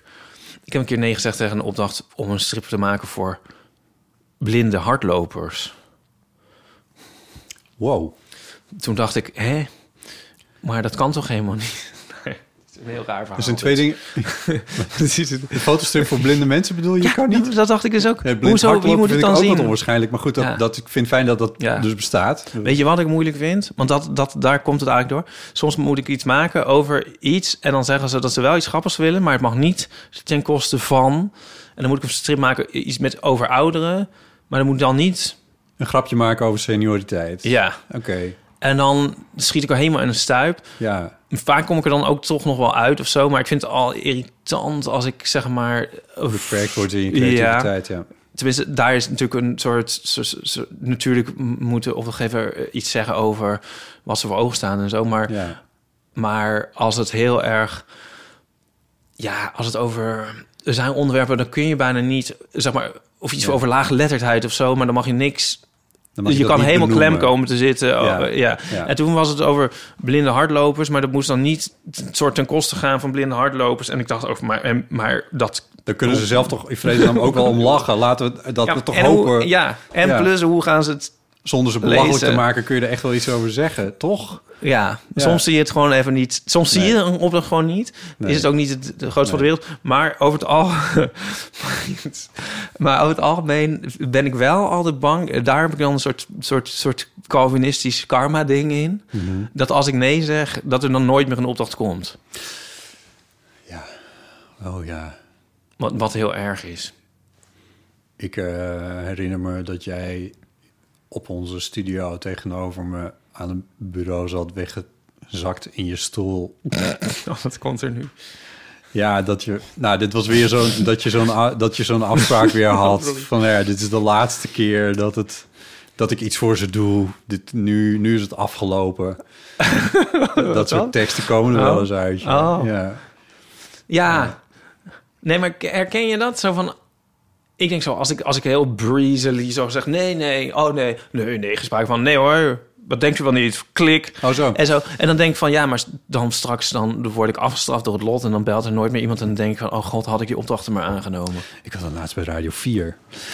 God, waar ging dat nou over? Toen belden ze me over iets. En toen heb ik dat een beetje zo geresearched van wat het dan moest worden. Het moest een reportage zijn. Ik weet echt niet meer waar het over ging. God, wat jammer dat ik dat nou niet meer weet. En toen dacht ik, ja, maar dit is niet een goed idee. Of dit moet ik niet doen of zo. Zoiets, zoiets was het. En toen heb ik toen heb ik ze heel boldly ook opgebeld. Met een soort luchtigheid van... Nou, ik heb het even uitgezocht. En dit en dit en dat. En dit en dit en dat. Ja, ik denk niet dat we dit moeten doen. Ja. En werd ook wel eens op gereageerd van... oh ja, nou, dan heb je eigenlijk wel een punt. En nou, volgens mij was het ook nog een agenda-dingetje... dat ik het alleen dan en dan kon doen. Eh, Nou, dat kan ook heel goed Ja. uitkomen dat je lekker niet kan, en, gelukkig. nee, nou, ik had het dan wel kunnen doen... maar niet op het meest geschikte moment. Dus ik zei van, eigenlijk moet je iemand hebben die vanavond daar... dat was het. Het was, het was ergens in den landen. En dat moest diezelfde avond eigenlijk worden opgenomen. Het kon wel later, maar dan was het minder goed geworden. Ik zei, je moet eigenlijk iemand zien te vinden... die eh, vanavond kan opnemen. En ik kon die avond niet opnemen. Eh, dus ik heb het eigenlijk min of meer teruggegeven. Ik had wel helemaal geresearched van... je moet dan en dan daar zijn, want anders dan werkt het niet. Oh, ik weet nu weer wat over gaat. Nou, dat doet er niet zoveel toe. Ehm, dat was wel de laatste keer dat ik zo de telefoon had, gek genoeg. Dus ik weet niet Nee. precies... Ja. Ja, die gedachte had ik daar toen niet bij. Ik dacht wel van, oh, dit is, volgens mij is dit wel goed wat ik nu doe. Maar dat hebben ze... Ja, eigenlijk heeft iemand anders hier dus een klus aan overgehouden. Ja. Nou, Als- als, die, dan als, heel het, goed als het zo gaat, hè, dan ben ik wel zo, eh, ben ik dus wel zo, eh, ja, collegiaal of zo. Eh, ik krijg wel zo op de vraag en dan denk ik van ja, maar dat is in een fotostrip niet te doen eigenlijk. Van met heel veel mensen of dieren en eh, locaties en weet ik veel wat allemaal. En dan denk ik, ja, dit is zo'n productie, dat kun je echt beter laten tekenen. Ja. Maar dan, Ja. dan eh, probeer ik wel om een, dan iemand daar zelf eh, naar voren te schuiven. Flow. Ja, het is ook al jaren geleden dat het voor het laatst gebeurd is. Maar hangt ik denk dan wel van een flow hangt van jou, van de opdrachten die jij afwijst af. dit is toch? misschien ook weer een soort karma. Dat ik ook alleen maar denk van dan komt het op een bepaalde manier wel weer een keer terug bij me. Ja. Maar snap je? Dan denk ik van oh ja, de Ja. opdracht is die kunnen we wel in de familie houden of zo. ja, precies. Ja. Ja, Want die was ook eentje die je hebt opgeschreven. Ik kan hem even zo snel niet vinden, maar dat was van of, of je... eh, mede ZP'ers ziet als collega's of ja, concurrentie. die was hem, ja. ja, precies. Ja. Ik weet niet wat ik met die vraag wilde. Hoe, hoe zie jij dat? Nou, ik dacht daar eventjes over na vanochtend. Toen dacht ik, volgens mij bij de radio voel ik dat wel een klein beetje. Vooral als het om wat meer prestigieuze plekken gaat. Bijvoorbeeld presentatieplekken. Dat heb ik al een tijdje niet meer, dus eh, it's fine. Of tenminste, nou, er zit nog wel iets. Maar denk, daar denk ik wel eens van... eh, maar eh, concurrentie en, en nog wel wat onderlinge moeilijkheid of zo. Maar als het gaat over... ehm, reportages valt het eigenlijk nog wel mee. Maar bij podcasting heb ik het eigenlijk helemaal niet. Nou, Ik heb wel eens wat jaloezie, bijvoorbeeld over... Oh ja. Wij, wij hebben in het verleden ook wel eens wat grappen gemaakt over... Hoe noemden zij zichzelf nou? Die, die drie mannen? Die radiopresentatoren? Geen idee. Man, man, man. Ja. Ehm, Zijn die, Dus- bestaan die nog? Zitten die ook achter een vergeetmuur? ook wel, zullen, zullen- ja, het dat is ook zo'n podcast die vergeten is... omdat hij achter een betaalmuur is. Ja? Nee, is dat zo? Zitten ze achter, achter de Dat vergeetmuur? weet ik eigenlijk niet. Ik hoor nooit meer iets van wel. Zijn ze heel gestopt? Zijn ze op hun dat hoogtepunt gestopt? En Als jij Podimo terugge- was. teruggetrokken in een villa met zwembad. Ja, nou, misschien beide. Man, Maar goed, die hadden op een gegeven moment heel veel succes. En die, wer- die werden ook voor ons nog eigenlijk al in een heel vol theater geboekt. Eh, en ehm, daar, had, daar voelde ik wel wat jaloezie. Maar dat is natuurlijk eigenlijk ook jaloezie waar je niks aan hebt. In die zin, ja, zij waren gewoon al heel bekend van de radio. Dat was natuurlijk heel anders dan jij en ik met onze podcast. Dus ja, die, die, maar dat voel ik niet. kan, ik zie hen niet als concurrentie. Ik denk niet dat er. Denk niet dat wij, zij luisteraars bij ons wegsnoepen of zo. Ik denk dus namelijk... Nu weet ik toch een antwoord zelf op deze vraag. Ja, Als ik de stripwereld en de podcastwereld vergelijk... ja, dan ehm, kun je dus zeg maar iets ervaren als concurrentie of, of jaloers. Maar eigenlijk helpt het jou. Want je hebt er niks aan als niemand succes heeft. Dat, dat ervaar ik eigenlijk in de stripwereld. ja. En alsof ik de enige succesvolle stripmaker ben. Maar Nou, het zou mij helpen, denk ik, als er veel meer succesvolle stripmakers waren. Ja. Als er een florerende stripcultuur in Nederland was, dat zou ik geen last van hebben. Dat zou niet zijn van ik kan nergens meer terecht. Nee, dan Ja. zouden er andere ja, plekken open gaan en zo. En dan zou zou je daarin mee kunnen. Dat zou gewoon Ja. een waar. Dus daar zou je op, op, op uh, ja, je zou je op kunnen trekken. En dat zo ervaar je dat soms niet of zo. Dan zie je dat als bedreigend van oeh, die gaat het wel of zo. Terwijl dat zie je met podca podcasting is bijna het tegenovergestelde van de stripwereld. Daar gaan dingen, dat is helemaal geëxplodeerd, zeg maar. Ja. Ah, In het bijna het anders, hè? Even, ja, ja, ja, Ja. Het is een beetje zoals de, als de oerknal en dan opeens zo... Is er een, opeens is, was het toch een soort heel universum aan podcasts. Maar daar, heb, ja. nou ja, daar hebben wij alleen maar profijt van, volgens mij. ja. In het begin heb ik dat ook wel vaker gezegd. Stel nou dat, dat, dat, dat, dat, dat jij de enige podcast van Nederland was gebleven met de Eeuw van de Amateur. Nou Ja, ja, dan, dan, had er niemand naar podcast dan was het toch ook nooit ook niemand naar de eeuw geluisterd. Nee, dat, maar dit was wat ik in het begin ook heel vaak heb gezegd. Ik, ik, ik denk dat dat nu dus inderdaad wel wat... Onder, onderhand is het wel een klein beetje een ander verhaal. Maar ik ben wel heel blij met dat die podcastwereld zo groot is als hij nu is. Want inderdaad, daar hebben wij Ja. voordeel bij. Soms is er wel een irritante BN'er dat je denkt van ga uit onze... Ja, je, je gaan uit onze beschadigt het keuken. imago van podcasting. Dat denk ik wel eens. Dat, die, Ja. die, die gedachte bekruipt mij wel eens. Maar dat ja, en dan kan er ook wel echt optreden dat mensen maar hebben maar zoveel uren in de dag en Ja. die luisteren dan naar Paul de Leeuw en niet meer naar ons of zo. Ik weet niet of, of de man nog bezig is. Nee, volgens mij niet meer. Maar ehm, dan, dus dan kan dat op een gegeven moment wel gaan optreden. Maar, Ja. maar is, ja, in principe heb je er best wel wat aan als andere mensen succes hebben eigenlijk. Ja. Ja. Ja, dus, ja, dus concurrentie. Nou, ik, nou, zeker in de podcastwereld heb ik daar dus niet... eh maar zoals ik zei, wel eens een beetje jaloers. Dat wel. Maar goed, dat zit een beetje in mijn aard, geloof ik. Het is ook eigenlijk hetzelfde als met flirten. Ik ben wel eens op een feestje en dan is er niemand, Ja. is er niemand aan het flirten. Dan wordt, het ook voor, dan wordt het voor jou ook heel moeilijk. Ja. Als er niemand Oh, staat te zoenen, dan, dan, dan, wordt het heel, dan wordt het heel lastig. Ja. Terwijl als iedereen eh, aan de bek is overal, dan eh, Dan gaat het makkelijker. ga je Gaat het makkelijker echt mee. makkelijker. Oh, leuk. Ja, oké. Goed. Wat is de kutste opdrachtgever die je ooit hebt gehad? Ja, heb je het eigenlijk net over gehad, over die, eh, die zo slecht betaalde. Oh, ja. Die hebben het ook nog een keer gepresteerd om een factuur van mij een hele zomer lang te laten liggen. Kreeg ik echt pas na drie maanden uitbetaald of zo. Oh, Ik dacht echt van, oh god jongens, echt, oh ja. kan je toch niet maken? Oh, grappig. Ja. Dat vond ik echt, dat vond ik echt wel dat ik dacht, nou... Ja. Ik heb wel zin om... toen, baalde ik, daar baalde ik echt maar jij van. Ik wil de, de naam niet noemen, zeker? Nee, ik wil de naam niet noemen, maar het is wel, het is echt een grote organisatie en het is echt een. ehm, ik, had het daar ook niet van verwacht. Ik had het, het viel me gewoon heel erg van ze tegen. En ik voelde me, er, ik voelde me daar, ik dacht van ja, wat maak je me nou onbelangrijk of zo? niet dat ik belangrijk ben, maar wel dat ik denk van... dit is toch dit is wel de bare minimum om iemand netjes te betalen en een beetje op tijd. Als je dat al niet meer doet, waar hebben we het dan nog over? Nou, ik werk er niet meer voor, dus het is fijn. Maar ik ga niet noemen wie het, eh, wie het was. En jij? Nou, ik wil het wel noemen, omdat ik het gewoon heel grappig vind. Het was maar een heel klein opdrachtje, een los dingetje. Ja. Het is ook jaren geleden, maar dat was de FNV. Wow! de FNV? Ja. Volgens mij is de, is de NVA aangesloten bij FNV. Oh, ja, het was meer... De opdracht was prima. Het ging meer over de betaling. Ze betaalden maar niet. Het kwam gewoon niet. Raar. Ja, en eh, toen... nou, ik denk dat het misschien wel een jaar geduurd heeft. Ik weet niet. Ik heb Een een he- jaar? Nou, misschien overdrijf ik, maar echt heel lang. Echt, mm, Hoe kan dat toch? ja, en dat ik hemel en aarde moest bewegen. Ja. En ehm, dit is ook weer heel kinderachtig van mij misschien, maar toen, toen was het betaald. En toen vlak daarna toen werd het nog een keer betaald. toen was het dubbel betaald. ja. Ja. En volgens mij... Toen heb, ben je achterover gaan zitten met je armen over elkaar. Toen dacht ik... eh, Nou, volgens mij duurde dat ook een tijdje voor ik dat dan door had. Ik weet het eigenlijk niet zeker. Ja. En toen dacht ik wel van, nou... Maar even zien hoe, hoe Ja, dit zal of ze er gaan. zelf achter komen. Ja, en toen eh, kwamen ze daarachter en toen kreeg ik gelijk zo'n dreigende... ja, echt zo'n dreigende mail... dat ik dacht, nou, Wauw. die zijn niet helemaal goed. Nee. En ik vond het gewoon heel grappig van de FNV. Ja, daar verwacht je het ook niet van, hè? Nee.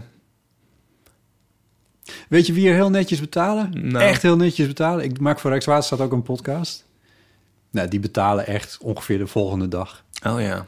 Daar sta, stond ik echt van te kijken. Had ik echt anders verwacht, maar het is echt fantastisch hoe ze dat doen. Ja, Oh ja. ja. Netvo trouwens ook, die betalen ook heel netjes. Nee, dus er was een andere vraag die je had opgeschreven. Sorry, ik onderbreek je. Maar heel even dan. Want een andere vraag had je opgeschreven. Wie een leukste opdrachtgever of zo? Was de leukste Dat heb ik niet opgeschreven hoor. Oh ja, dat staat ja, eronder. leukste dan de leukste staat er, ja. En dat is, dat, ik denk dat ik daar het eh, Nederlands Philharmonisch Orkest wel durf te noemen. Oh ja. En dat heeft ook te maken met Patricia Kins, die, dat, eh, die het daar produceert.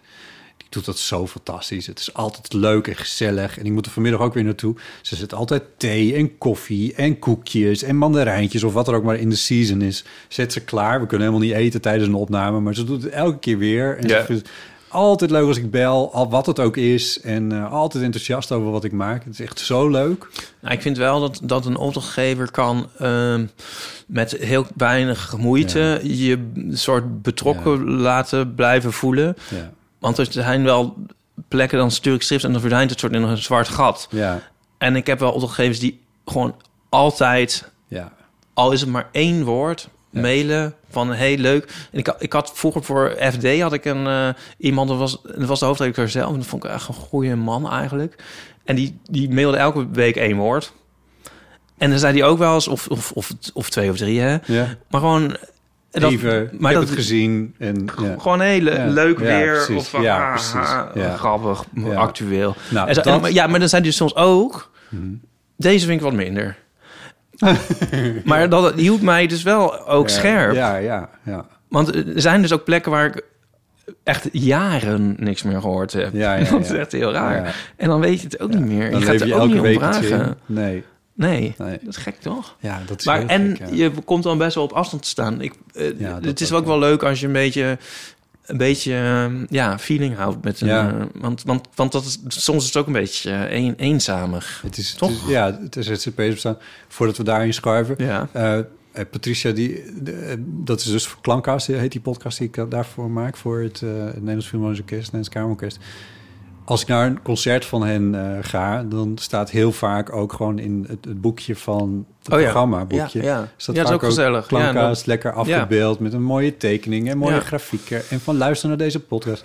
Ah. Dat voelt zo fijn. Ja, Ja, ja, helemaal een omarming is dat. Ja. ja. Ja. Dus daar voel ik me niet eenzaam. Maar er zijn inderdaad ook wel opdrachtgevers.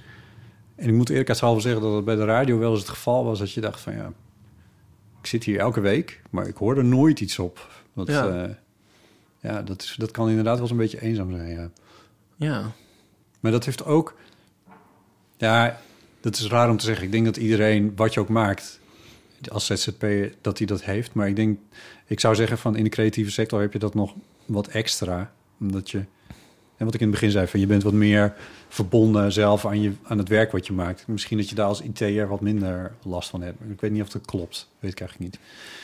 Maar als creatief persoon die echt helemaal bedacht heeft wat er gebeurt, zeg maar, ben je er volgens mij wel wat kwetsbaarder in. Ja. Toch? Ja. Ik zit trouwens te kijken van over dat vorige nog even eigenlijk. Van ben je ook wel eens gewoon niet betaald? Het is gewoon niet gelukt dat je gewoon een soort. Nee, dat heb- is mij gelukkig als, als ZZP'er in, eh, in, eh, bij radio en podcasting nooit voorgekomen. Maar als muzikant heb ik het wel een keer meegemaakt. Oh ja. Dus dit is eh, mijn vorige leven eh, als eh, gitarist in een coverband. Toen zaten we bij, dit is klassiek hoor, zaten we bij een impresario. Impresariaat die, dus een manager hadden we min of meer. Ehm, en die man die had ons geboekt voor... Het waren twee best grote optredens volgens mij. Dus daar hing best wel wat geld vanaf. Zeker voor ons als student toen de tijd. En eh, we hoorden steeds maar niks meer van hem daarna. En we werden ook niet betaald. En op een gegeven moment hoorden we via via dat hij failliet was. Dus niet eens van hemzelf. Ja. En toen kwam er volgens mij een brief van een curator van ja, jullie zijn, eh, jullie zijn eh, is geregistreerd als hoe heet dat? Crediteur, in ieder geval als, als, als eiser. Als een van de mensen die nog geld van hem krijgen. Ehm, maar je staat achteraan, daar kwam het kort gezegd op neer. Want Belastingdienst krijgt altijd alles eerst en dan is het op over het algemeen. Als er überhaupt nog wat is. En er was helemaal niks meer. We hebben nooit uit, de twee optredens hebben we niet uitbetaald gekregen. En dat zit me nog steeds dwars. Oh ja. Ja, ja, echt. Ja, ja. Ja. het zit me nog steeds dwars. En het is twintig jaar geleden. Ik heb voor een blad gewerkt dat failliet ging. Eigenlijk helemaal in het begin ook meteen. Hmm. En ehm, daar hebben de freelancers zich verenigd. En die hebben nog iets van 70% gekregen. echt? ja. Heel verbazingwekkend. Hmm. Ja. Maar dat was een slechte start wel voor mij. Maar daarna is dat nooit me meer zo gebeurd. dwars dat ik er nog iets over wil Ja? zeggen. Zijn, zijn adres? Zijn huisadres? Naam en huisadres? maar wij hebben dus twee optredens gedaan. Dat we, ik volgens mij gewoon ook voor particulieren. Die mensen, die mensen hebben betaald voor een avond waar wij hebben staan spelen. Die mensen hebben dat gewoon betaald voor ons. Ja. Aan hem. Slecht, ja. Dus er is gewoon betaald. Ja. Ja. Ja, goed. Oké, probeer je weer uit te komen. Je hebt nog 70% gekregen. Ja, nee, ja, dat was Nou, dat is wel netjes. Toch? Tenminste, ja, het is beter dan niks. Ja, ik kan me nog herinneren dat ik werd maar niet betaald. En toen ging ik bellen. En ehm, toen kreeg ik eh, de, steeds dezelfde vrouw aan de telefoon. Die was heel erg eh, eh, kort af en pinnig en zo. En eh, Ja. Zat ik op een gegeven moment... Ja, nee, ik begin me toch wel een beetje zorgen te maken, zei ik toen. Lieve schat, ga jij toch lekker zorgen maken? En toen neemt ze op. Oh, Erg, wat dacht je toen? Ja, Verloren zaak. ja. Ja. Dat was ook een, twee dagen voor het faillissement bekend werd, geloof ik. Oh, wauw. Lieve schat, ga jij toch lekker zorgen maken? Dear. Goed. Ik denk dan ook wel van, kan ik ook nog zo worden in het leven? Ergens bewonder ik het ook. Ja, dat is wel waar. Ja, maar zo kan je het dan niet worden. Nee, denk ik nee, het zal wel Zal ik nog een faillissement? Het heeft niks met ZZP'er te maken. Althans, eh, nee, heeft niks met ZZP'er te maken. Maar ik had eh, in dit huis waar ik, eh, waar ik woon, heb ik In een, dit huis. In dit huis. Dit vervloekte huis. hebben wij een, eh, hebben wij een cv-installatie. Ehm, en de vorige cv die ging op een gegeven moment stuk. Er was iets mee, ik weet niet meer eens meer wat. Maar... En ehm, ik had het laten onderhouden bij een bedrijf. En dat bedrijf had, eh, was gekomen. Had hier de boel uit elkaar getrokken. Het was in april of zo, dus het was medium erg. Het was niet heel koud, dus dat scheelde. Maar er was geen warm water meer. Ehm, had de boel uit elkaar getrokken. En de volgende dag zou hij weer komen om het weer in elkaar te zetten. Wat natuurlijk op de hap al irritant was. En toen kwam hij niet. En de dag erna, daarna kwam hij ook niet. En de dag daarna kwam hij ook niet. En, en ik bellen en doen en alles. En op niks werd gereageerd. Toen ben ik op een gegeven moment ben ik naar hun pand gereden. In eh, Noord, in Amsterdam-Noord. Om te kijken van jongens, what the fuck? En toen zag ik iemand scharrelen achter het raam. Er werd niet open gedaan, maar er zat iemand scharrelen achter het raam. En ik zei van, ja, wat what the fuck? Ik, ik probeer jullie te vinden en... eh, ja, nee, nee, nee. Ze zijn failliet. dus dat moet de curator dan zijn geweest of zo. En toen dacht ik, nou, wat is dit nou? Ja. En toen kreeg ik, nota bene, een maand later of zo... kreeg ik ook nog een rekening van dat bedrijf...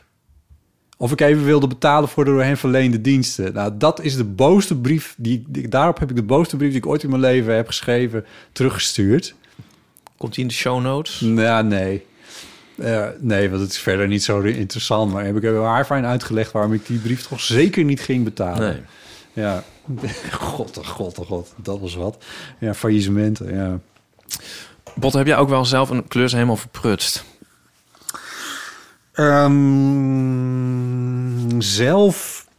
Oké, dit is een ingewikkelder verhaal.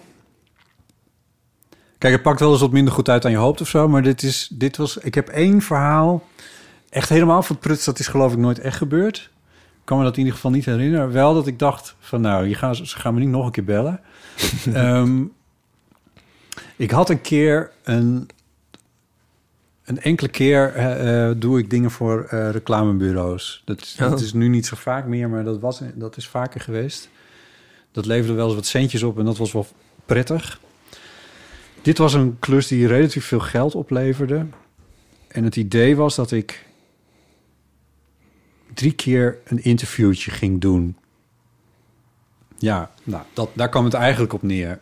En dat, ging- ook eigenlijk over niks. Maar Ehm, en ik had... ehm, een van die interviews had ik, ik ook ge- gedaan. En er waren ook camera's bij. En zo was een enorme productie. Met, met licht en weet ik veel. En, ehm, en toen had ik... eh, eh, ja, ik heb kort gezegd, kwam het erop neer... dat ik even later hoorde dat ze... de- een van die drie interviews over hebben gedaan. Maar niet met mij. ik heb netjes betaald gekregen. Maar dat was wel de laatste keer dat ik er überhaupt iets van hen heb eh, gehoord. Ja. Oh, kut. Maar dat hebben ze niet tegen je gezegd. Nee. Ja. Oh. Ja, dus er is iets niet goed gegaan. Terwijl, ja, ik denk zelf eigenlijk niet dat ik het zozeer heb verprutst... als wel dat ze niet helemaal voor ogen hadden wat ze er nou mee wilden. Ja. Het was uiteindelijk een veel commerciëler verhaal geworden... dan ik ervan had gemaakt. Terwijl ik denk van, ja, je vraagt iemand die niet heel commercieel ingesteld is. Dus ja, Grappig. ja. Je had ook gewoon de Hello Fresh commercial kunnen zeggen. Sorry. Ik oh, ja. ik- oh, zullen we het toch maar zeggen? Ja, ik, kan Nee, het, ik durf het wel te zeggen. Oh. Want, want we hebben het laatst hebben het gehad over met, eh, dat, zeggen? Valentina. Want die in die aflevering. daar, daar maken we reclame voor HelloFresh. Als ik dat nu terugluister, dit is echt dit is zes jaar geleden allemaal natuurlijk, maar oh, wat erg. ik snap echt wel dat ze, ja, de aflevering 82 mensen, als je het leuk vindt, moet je of 80 of 82, maar moet je maar even luisteren hoe wij toen reclame maakten. Ik was mijn handen in onschuld. Ja, ja, ja, ja, ja. Ik heb wel eens dat ehm, ik een aanvraag krijg voor een strip en dan wil, wil eigenlijk dan wil de klant er te veel informatie in en eigenlijk ook Oh. niks grappigs erin en zo. En dan denk ik van ja, dit is eigenlijk helemaal niet geschikt. Maar dan is er geld, dus nu gaat het toch over de, misschien de 3P's. En dan doe ik het toch en dan is het, komt er een soort gedrocht uit. En dan denk ik van ja, ja. Maar is dat verprutsen? Ja, eigenlijk denk ik dan van je moet eigenlijk dan eh, of de klant ervoor behoeden om het überhaupt te doen, of toch zo hard daaraan trekken dat het toch meer jouw kant op gaat. Want dan is het vaak kies ik dan we- weg van de minste weerstand van nou, als jullie dat zo graag willen op deze manier en jullie betalen, nou fijn. Ja. Maar ja, dan komt er iets uit wat ik ja, waarvan ik denk, ja, dit is, Nee. dit is voor niemand leuk eigenlijk. Nee. En dat, dat dan is dan uiteindelijk, ja goed, dan heb je geld, maar dan Ja. heb je eigenlijk niks. Nee. Ja. Ik vind dat niet verprutsen. Ik vind eigenlijk dat het dan gewoon een mismatch is die niet aan jou ligt. Nee, maar als je er zelf kan je dus aan, soms voel je die aankomen en Ja. dan doe je niks. Nee. Ja, precies. Nou ja. Ja. Hmm. Ja, echt Ja. verprutsen, daar moeten wij als creatieve makers ook wel echt voor op onze hoede Nou, wat ik dus nooit mij. heb gehad is bijvoorbeeld van dat je ergens bent geweest en dan eh, zat er geen rolletje in de camera of zo. Ja, precies, in die categorie. Ja, ja, Dat heb ik nog nooit gehad. Ja. Oh, ik heb wel één keer gehad eh, dat eh, een microfoon het had, of een opname, het was eigenlijk een Ja. recordertje dat het half had begeven. Het was, een, het was voor Radio 4 en het moest eigenlijk heel snel, dus dan kon ik maar, ik, ik had die opnames gemaakt, kwam thuis en er zat een dikke ratel door alles heen. Dat heb ik toen met reparatiesoftware, heb ik dat uiteindelijk Oh ja. Dat was, daar heb ik, nee, dat heb ik niet allemaal gefactureerd, maar daar heb ik echt uren aan besteed om Ja. audio te redden, want het kon niet nog anders. Ja, dan had ik er weer opnieuw naartoe gemoeten, maar dat had eigenlijk meer tijd gekost. Ja. Ja, is dat verprutsen? Ja, dat is meer pech. Verprutsen is... Ja. is, eh, is, is, is, Ik, ik ken verhalen van mensen die een hele fotosessie hebben gedaan... en dan eh, even een drankje gaan drinken en hun camera in de auto laten liggen... Ja. die dan gestolen wordt en zo. En dan is Oh. alles weg en zo.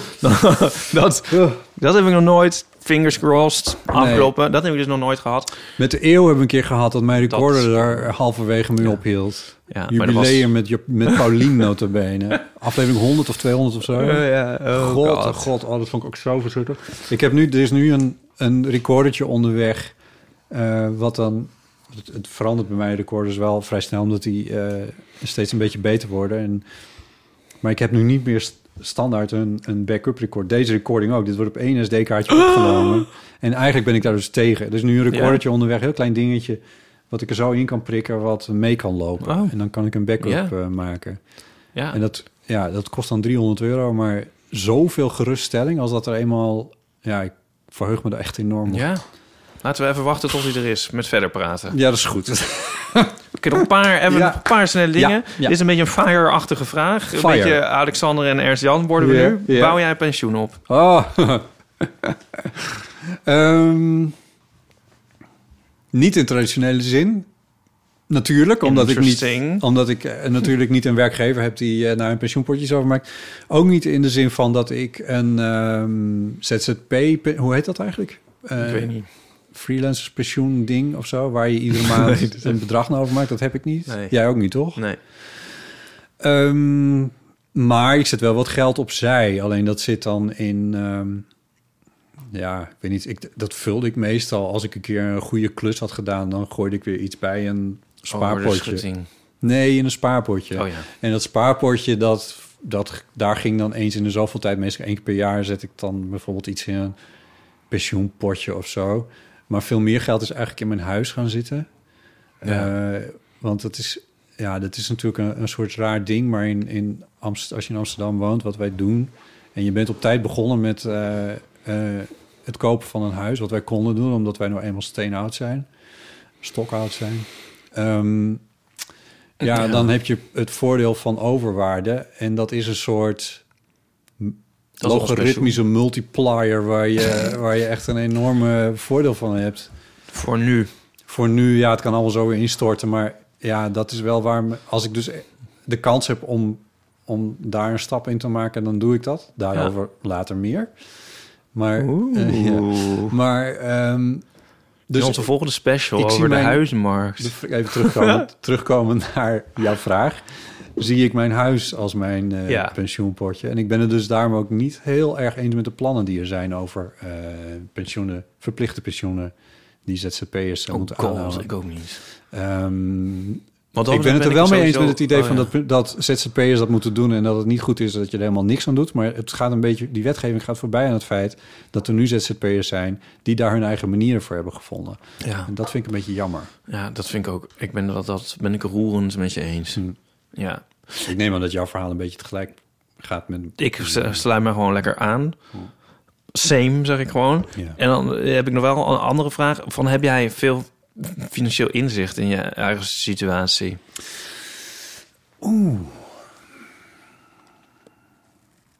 Ik ben wel van de Excel-sheetjes. Niet ja. zoals Bart, Nee. onze goede vriend Bart, die daar veel beter in is. Maar als er wat grote dingen aan zitten te komen, dan zet ik het op een rijtje.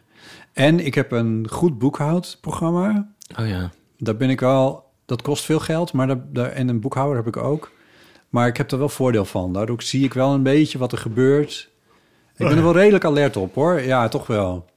Ik, ik word nooit overvallen door een kapotte koelkast die ik dan ineens niet kan, waar ik geen nieuwe voor kan kopen of zo. Ehm, of een recorder, dat soort dingen. Of, eh, of dat ik ineens bloed ben. Dat is, dat is, dat is eigenlijk, nee, dat heb ik niet. Jij toch ook niet? Nou, het is bij mij meer van dat ik nooit niet opeens ooit blut ben. Maar dat is eigenlijk echt de hele... as- Dat is as far as it goes met mijn financieel inzicht. Oh. Je hebt geen overzichtjes of dingen. Nee. Nee? Het is alleen maar zo dat ik, als ik maar niet onder de nul uitkom of zo. Verder weet ik het eigenlijk helemaal niet. Het is zo'n ehm Aaf maakt dat met Vincent, heet hij Vincent Kouters? Even uit mijn hoofd. Ehm maakt zij ook een podcast. Eh, maar Vincent is eh, oh, redacteur bij Volkskrant en die schrijft over. dit is ook een soort fire wat hij doet eigenlijk. Hij noemt het alleen niet zo. Over geld praat je over niet. geld, ja, over geld praat je niet. Zo heet Ja. die podcast. En hij schrijft er ook over in de krant. Althans, die column is volgens mij net weer opgehouden. Maar hij is echt van niks uitgeven en zo.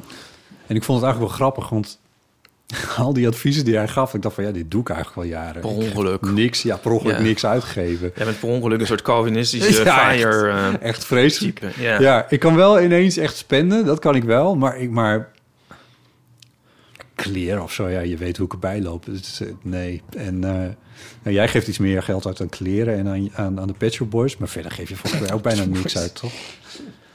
Je geeft ook niet zo. Oh, sorry. Heb ik niet jij gezegd. zit niet elke week in een duur restaurant te eten of zo. Nee. Ja, dat doe ik al helemaal niet.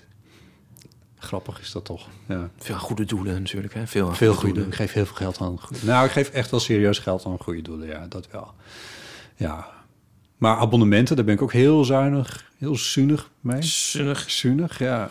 Dus ben zinnig. Ja, daar ben ik heel alert op dat ik niet te veel abonnementjes heb lopen. Jij geeft ook niet echt veel geld uit aan vakantie. Nee. Nee, oh, dat is een onderwerp wat je inderdaad ook aan het opgeschreven, inderdaad. Ja, nee, dat geef ik, nee. Oh, maar dat is een groter onderwerp. Maar als jij daar nou eerst eens even wat over vertelt, hoe jij dat doet, vakantie als ZZP'er. Vakantie kan voor mij stressvol zijn, omdat eigenlijk al mijn... Nou, niet alle, maar eh, dingen lopen wel door bij mij. Over het algemeen, strips. En dan moet ik vaak vooruitwerken. Ja. En dat is eigenlijk... voor je op vakantie gaat, zit je dan opeens met een bultwerk. Ja. En na je vakantie dan moet je dan ook vaak opeens weer bijbenen, want dan is het opeens de voorraad op. Dus dan is een vakantie kan daardoor eh, ja stressvol zijn. Ja. Ja, dat is een beetje, een beetje paradoxaal eigenlijk. Ja. Ja, ik, ben, ik ga vaak een soort weg zo van... Oh, dus met zo'n gevoel van... Oh, het is net een soort geluk. Oh, druk op cent. Oké, nu naar, rennen naar de trein. ja. Ja, Trein, mooi. ja, of gewoon in de auto stappen. Maar dat, dat heeft iets... Dat vind ik soms irritant, ja. Maar ik durf ook niet dingen stil te zetten. De columnisten die op vakantie gaan en zo. En dan Ja. denk ik van... Ik, daar, daar ben ik allemaal op Dat durf je niet? Nee, Denk je nou, dat het, zou het kunnen? kost ook geld eigenlijk Ja, natuurlijk, maar ik vind het ook verwarrend. En eh, Ja. ik denk ook als ik daar begin, dan is het eind zoek. Maar ik denk ook zo van, dan zeggen ze van, nou kom helemaal maar niet meer terug en zo. Ja, dan komt dit kikt hij erin. Ja, ja, Ja. je dat weer. Ja. Maar het lekkerst vind ik midden in de zomer en net twee weken met kerst. Als het Als iedereen toch, als, er als verder echt toch iedereen ook weg is. En dan Ja. ervaar ik ook even die Ja. soort rust. Oké, nu gaat er ook niemand is- me bellen of iets. Precies. Nu is het dit is dus een geregeld. leuke, want dat wordt dan altijd gezegd over ZZP'ers. Ja, die kunnen op vakantie gaan wanneer ze willen. Ja. Dat is echt niet waar. Nee, Sowieso is de hele maatschappij ingericht op wat jij nu net zegt. ja. En als je je daar invoegt, is het zoveel makkelijker. Ja, want dan was ik na een week ZZP al achter. Ik dacht zo van, dan- is het verschil tussen weekend en, en door de week opgeheven en zo. Ja, en dat dat, is helemaal niet zo maandagochtend. Dan gaan, Alles gaan is- ze, ja. nou, dat niet de telefoon, maar ja, je Wat- voelt het gewoon. Je blijft echt wel in het ritme. Ja, de, de maatschappij is werknemernormatief. Ja. Nou, ken ik ook wel mensen die dit ontkennen hoor. En die zich daaraan eh, onttrekken. Dat kan wel, maar het is echt wel extra moeite om Ja. dat te doen. Ligt het misschien ook aan welk veld of zo, welk beroep je werkt. Dat en aan je eigen... per- hoe je persoonlijk in elkaar steekt, denk ik eigenlijk ook wel. Want ik ben dus heel slecht in vakantie. Eh, en dat heeft meer met mijn persoonlijk... hoe ik in elkaar steek te maken dan per se met ZZP'en. Als, eh, toen ik in dienst was, kon ik het eigenlijk ook niet zo goed. Vond ik ook niks aan. Nee, nou, dat is ook wel lekker Ik heb dan. nog steeds iets uitgevonden wat nou een leuke vakantie voor mij zou zijn. Maar dat is een ander verhaal. Daar gaan we nog eens over hebben. Ja, goed, we zijn er bijna, hè? Ja, Nog één- zijn er nog meer van dit soort misverstanden dan over, over het ZZP-bestaan, denk je? Wat je vaak moet uitleggen. Ja. Ehm, nou ja, ik denk dat dat veel van die dingen toch samenhangen met wat ik net even grappend zei: dat de maatschappij werknemer normatief in elkaar steekt. Bijvoorbeeld als je een hypotheek wil. Het is, ondanks dat er dus heel veel ZZP'ers zijn in Nederland, is het als ZZP'er echt heel ingewikkeld om een hypotheek te krijgen. En je hebt weinig keus en de tarieven zijn veel hoger. En je moet veel meer gegevens aanleveren. Ook al ben je al, al, al werk je, betaal je al jaren heel trouw je hypotheek en is er nooit een probleem. Ze vertrouwen je voor geen meter. Dus dat is een ding. Die, dat wantrouwen zit ook een beetje bij, eh, bij die nieuwe wetgeving over pensioenen. Dat vertrouwen ze je ook gewoon niet mee. Er is best wel wat wantrouwen tegen, financieel wantrouwen eigenlijk tegenover ZZP'ers. Het zal ook best ergens vandaan komen, geloof ik wel. Maar ik vind het wel een beetje jammer. Ja. Dat, dat zijn wel, dat is wel, hoe noem je het nou? Onbegrepen. ik voel me wel eens wat onbegrepen wat dat betreft, ja. Ja, En Dus het gaat wel wat verder dan alleen maar van je kan 's ochtends uitslapen tot hoe laat je wil. ja. Ja. Nou, Jij? dan, la- nou ik, ik ga de laatste vraag stellen. Hm. Zou je, nog, eh, zou je ooit nog terug kunnen naar een vaste baan? Ja, dit had je ook zo geformuleerd. En toen dacht ik, dat is een slimme formulering. Want eh, je kan het hierover hebben als in van... Kan het in de zin van, is het, is het een eh, technische mogelijkheid om Ja. dat te doen? Nee, ik bedoel... Zou je het willen? Want dat is de andere in- invulling aan de betekenis van deze vraag. Ehm, maar beide antwoorden zijn eh, tegengesteld aan elkaar, denk ik. Nee, niet per se niet tegengesteld, maar ze zijn... Goed.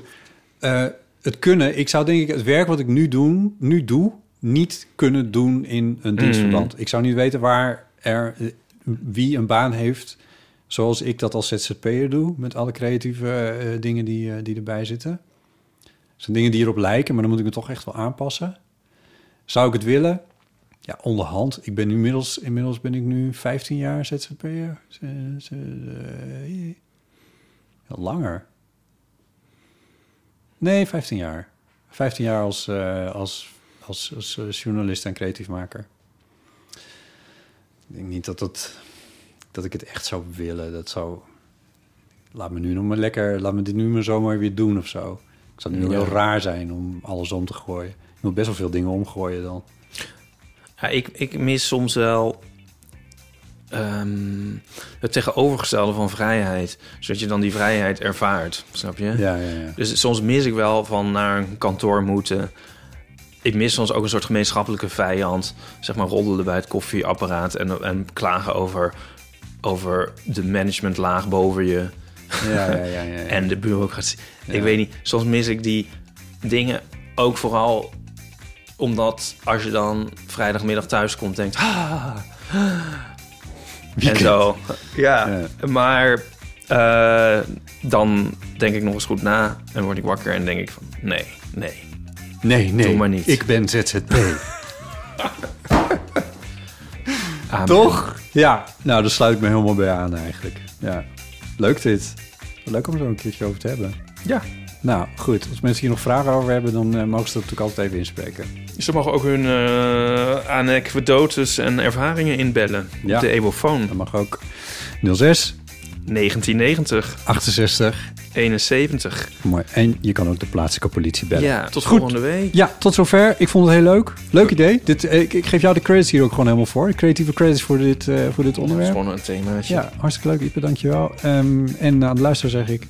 eh, reageer op de Eurofoon of mail naar botten.eeuwvanamateur.nl en check ook onze show notes, waar deze keer misschien niet zo heel gek veel dingen in zitten. Zullen we gewoon linkjes naar onze eigen website, onze persoonlijke website? Dat gaan we gewoon doen. En jouw website en mijn website, dat zijn de show notes deze keer. Eeuw.show. Goed, dank voor het luisteren. Tot de volgende keer. Tjus!